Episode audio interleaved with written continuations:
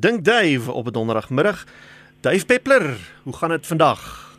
Dit gaan goed, dankie Willem. Ek het ver oggend by die Kojawel Boere Vereniging gesels oor hulle ehm um, produk en bemarking daarvan oh. en dit reën, so dit gaan baie goed. Ah, ja, dit is uh, hoe dit hoort hierdie tyd van die jaar in die Kaap.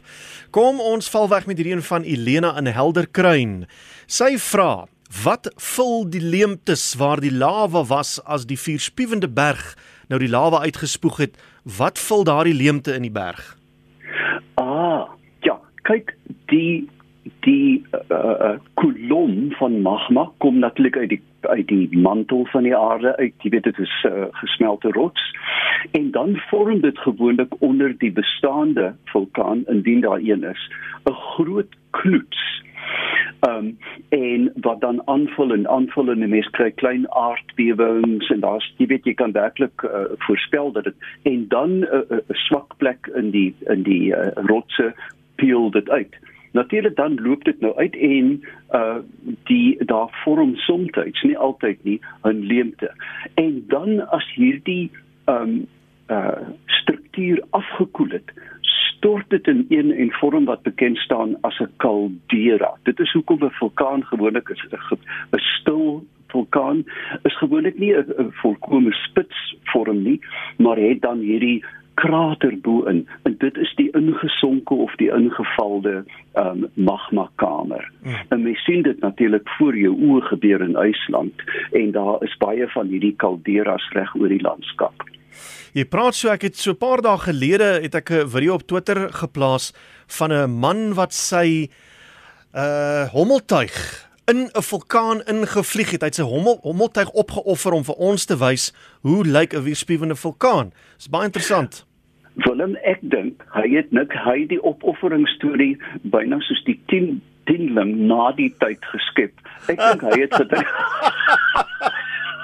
hy het heel moontlik gedink sy hommel kom terug want die goed is nie goedkoop nie. en en die ding het eenvoudig die klits kwyt geraak. Ek is seker daarvan. Nou hoe dit ook al sê, dit is daarso op uh, by Willem Pelser RSG. As jy bietjie onder toe gaan op my tydlyn, jy sal daar sien wat sy storie ook al was. Die beeldmateriaal is daarso. So kom ons gaan na die volgende ene. Ehm um, iemand vra waar kom al die swart muurtjies in die somer vandaan? En waarheen verdwyn hulle dan ewe skielik heen as hulle nie meer in ons ketels en wasbakke lê nie? Eh, die teenwoordigheid van mure en dan praat ons nou van ons inheemse mure want kyk ons het Argentynse mure wat 'n indringer spesies is. Um is gewoonlik baie aktief in die herfs uh wanneer hulle dan uh regmaak vir die winter en dan soek hulle natuurlik warmte en 'n mens vind elke jaar dit jou alarm gaan ontydig af en as jy dan die sensor oopmaak is dit vol gepak van muurtjies want dit is 'n bietjie warmer daar. En dan eh, jy weet met met die erge koue trek hulle natuurlik terug in hulle kolonie en baie van hulle gaan dood. Ehm um, daar is natuurlik van die wat die eiers oppas en dan begin die siklus weer. Hulle het natuurlik 'n oorlewingsstrategie dat hulle baie vinnig kan aanteel want jy weet 'n muur wat 50 jaar oud gaan word, gaan nie eintlik 'n nut dien in die natuur nie. So met ander woorde dit is 'n baie vinnige omset wat in 'n sinusgolwe, jy weet soos 'n golf wat jy trek uh, as jy 'n golf sou naboots op papier, die bevolking gaan op en af. Mm. Met ander woorde woorde, hulle kom tot ruste, dis byna 'n soort van 'n van 'n 'n winterslaap en dan met die uh, met die koms van die lente ontplof die kolonie weer. Iemand anders wil weet hoe lank bly skilpadeiers onder die grond voor hulle uitbroei? Ek kan nie uit die feitheid sê nie, maar ek weet wel dat uh, baie reptieleiers is natuurlik omgewingsfaktore uh, gebonde. Met ander woorde, as 'n skilpad uh, dit sou regkry met die hart van die winter 'n uh, eier te lê, dan sal dit maande neem maar in optimale toestande sê nou maar die somer en die grond is lekker klam dan verwag mense ek dink in die orde van 40 tot 50 dae. Maar mense weet wel dat in indien dit baie koud is byvoorbeeld of te droog kan die eiers vir maande en ek vermoed selfs by sekere reptiele vir jare oorleef En dit is uh, ook waar klimaatsverandering inkom by iets soos uh, krokodille waar die temperatuur waarteen die eiers uh, onder die sand lê bepaal die krokodil se geslag. En dan as daai sand te warm is, is almal mannetjies of almal is wyfies. Absoluut. Jy weet, ek dink hierdie is die uitspeel van iets wat die wetenskaplikes al baie jare oor gesels. Jy weet, ek het klas gegee oor klimaatsverandering 25 jaar gelede toe dit glad nie in die mode was nie. Ehm um, en nou kry ons hierdie subtiele. Daar jy weet, daar is nog voorbeelde in Noorwe byvoorbeeld. Is daar 'n klein voeltjie, 'n greater tit mens kan net dankbaar wees dit is nie Afrikaanse naam nie en ehm um, hulle uh vreet wurms die mannetjies om hulle borsies geel te maak. Hulle eet uh, uh oh. spesifieke wurms. En as hulle as die wurms as gevolg van klimaatsverandering vroeër uitbroei, dan kan die mannetjies nie hulle borsies geel kry nie nee. en hulle kan nie die wyfies kyk eenvoudig nie meer vir hulle nie omdat hulle nie genoeg kleur het nie want die wyfie meet die mannetjies se fiksheid die die intensiteit van sy kleur is soos mense wat te veel uh gemorskos vreet dan word hulle onaantreklik aan die wil die, die dames hulle nie hê nie. Wel, dit dit werk buite by beide geslagte, jy weet dit.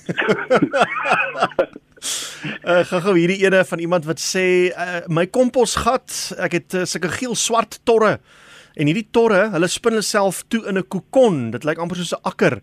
En dan kom daar 'n wit larwe wat daar uitkom. Ek wil weet of hierdie tor se eie lewe neem deur om so toe te spin uh, hierdie is die die die swart en wit uh, en geel kewer is um, is baie bekend. Jy weet dis een van die vlugte kewers en hulle kan indien jou komposhoop nie goed deur lig is nie in die gereeld omgewerk word nie, kan hulle natuurlik hulle papies vorm binne in die kompos en al wat 'n roos en blom is letterlik voor jou oë opvreet. Die swart en geel kleur is sogenaamd aposomaties. Dit beteken dat as jy aan hom vat, skei hy baie stink ehm um, uh, vloeistof af. Ehm uh, so die antwoord op die plaag is eintlik om jou kompos gereeld om te werk ah, want dit is statiese komposhope wat hulle verkies. Uh en dan moet jy maar jy weet stukkend trap want hulle is werklik vernietigend in 'n tuin. Jy weet hulle hulle soos die blomme uitkom vreet hulle hom op. Desmond in die Parel sê ek het nou onlangs vir my hond 'n uh, wonderlike mooi nuwe dier hondehok gekoop, maar hy weier om in hom te slaap. Ons sien dit nogal baie daai wat 'n hond nie in sy hondehok wil slaap nie. Wat sal die rede wees daarvoor? Dis te lekker op die bank natuurlik. ja. Um, ja, die die die die die die tegniek is gewoonlik om 'n konversie waarop die hond gereeld binne geslaap het of buite dan te verskuif na die hok toe. Jy weet dit is 'n vreemde plek en moenie vergeet nie dat baie van hierdie hokke word gemaak met planke wat met kreosoot behandel is of met tanaliet die groen behandeling en honde is is uiters sensitief vir reuke. Oh. So wat 'n mens kan doen en ek weet dit het al gewerk dat jy selfs in die somer 'n blaasverwarmer binne in die hondehok sit en die dampe afdryf. Jy weet maak hom baie warm en dan uh, met 'n uh, 'n uh, bekende konversie soos liners peanuts werk dit dan soms. Mm. Maar jy weet honde het natuurlik 'n wil van hulle eie. Jy weet as hulle nie wil nie, wil hy nie. Ja. En uh, dan gaan ons gou-gou na hierdie ene toe, Marike in Malmesbury wat 'n vraag vra namens haar man, lyk like dit my. Hy wil so graag weet, hoekom bou verskillende voëls verskillende neste? Hoekom lyk alle voëls se neste nie dieselfde nie? Genade. As jy die een ekstreem vat, neem byvoorbeeld 'n peregrine, jy weet die die die die bekende vinnigste voël op aarde. Ehm um, uh, ek dink nou swerfvalk. Ja.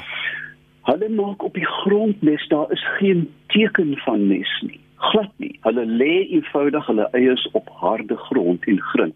Dieselfde met uile. As jy 'n uilboks by jou huis het, is dit 'n uh, jy weet, kan jy 'n paar dennenaalde insit en grobbe grys. Maar dan is daar aan die ander ekstreem byvoorbeeld in Borneo en jy weet in tropiese gebiede voels wat elaborate kastele bou. Dit lyk na Disneyland.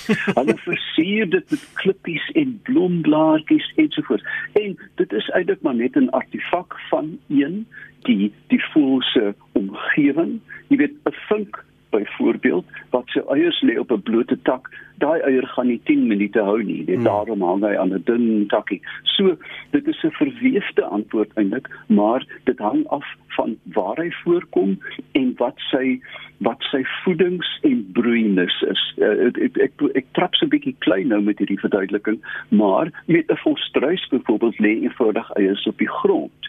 Uh, jy, jy kan jou beswaarlik indink dat hulle 'n nes kan bou, maar dan kry jy van die kleiner voeltjies, die suikerbekkies, die kolibries wat die mees fabelagtige klein koppies bou van ligene wat lê heg met spinnerakke. Mm -hmm. So dit is dit is eintlik net 'n wonderwêreld van diversiteit. Ja, so al, al, alles af van die voël se grootte, hulle behoeftes wat hulle eet, hoe groot die eiers is, hoeveel hit hulle nodig het, al so aan spektrum van ons van van uh, omgewingsomstandighede is so breed soos die Here se genade, jy weet. En en, en dit maak die lewe natuurlik so fabelagtig interessant dat hierdie diversiteit bestaan nie net in gedrag en voorkoms nie, maar ook in hulle nesboue. En ook ek dink nou ewe skielik uh, daar's 'n voeltjie ergens in die Kaap, as ek nou reg kan onthou, wat 'n fop ingang bou dat die slang by die fop ingang ingaan. Hy dink die voeltjie is daar nie eintlik sit die voel in die ander deel van die nes. O ja, die kapokvoeltjie, dit jy weet dit is een van die mees merkwaardige goed, jy weet as jy eendag dit raakloop, jy weet roep alle kinders in die omgewing. Ehm um, dis 'n klein sakkie, ehm um, 'n klein so klein pendule en dan hierdie pragtige fop ingang en bo dit die ware ingang hmm. wat byna soos velcro werk. Weet hy as die voeltjie uitgaan dan knip hy met sy bekkie tik tik tik tik tik maak hy die gleufie toe en dan as hy weer terugkom met kos of wat ook al dan druk hy die bekkie in maak die bek oop en chips daar spring die die gaatjie oop. Dit is 'n wonderbaarlike ding. Ongelooflik. Dave ongelukkig is alwaar vir ons tyd het baie dankie. Mense kan jou gaan volg op jou webwerf en op Facebook al te seker gaan lees 'n bietjie oor kojabels vandag. Mooi bly Dave, maak volgende week weer so. Tot dan. Is Dave Peppler, raai webwerf wat ons nou na verwys het, is davepeppler.com of gaan soek hom op Facebook onder sy naam Dave Peppler.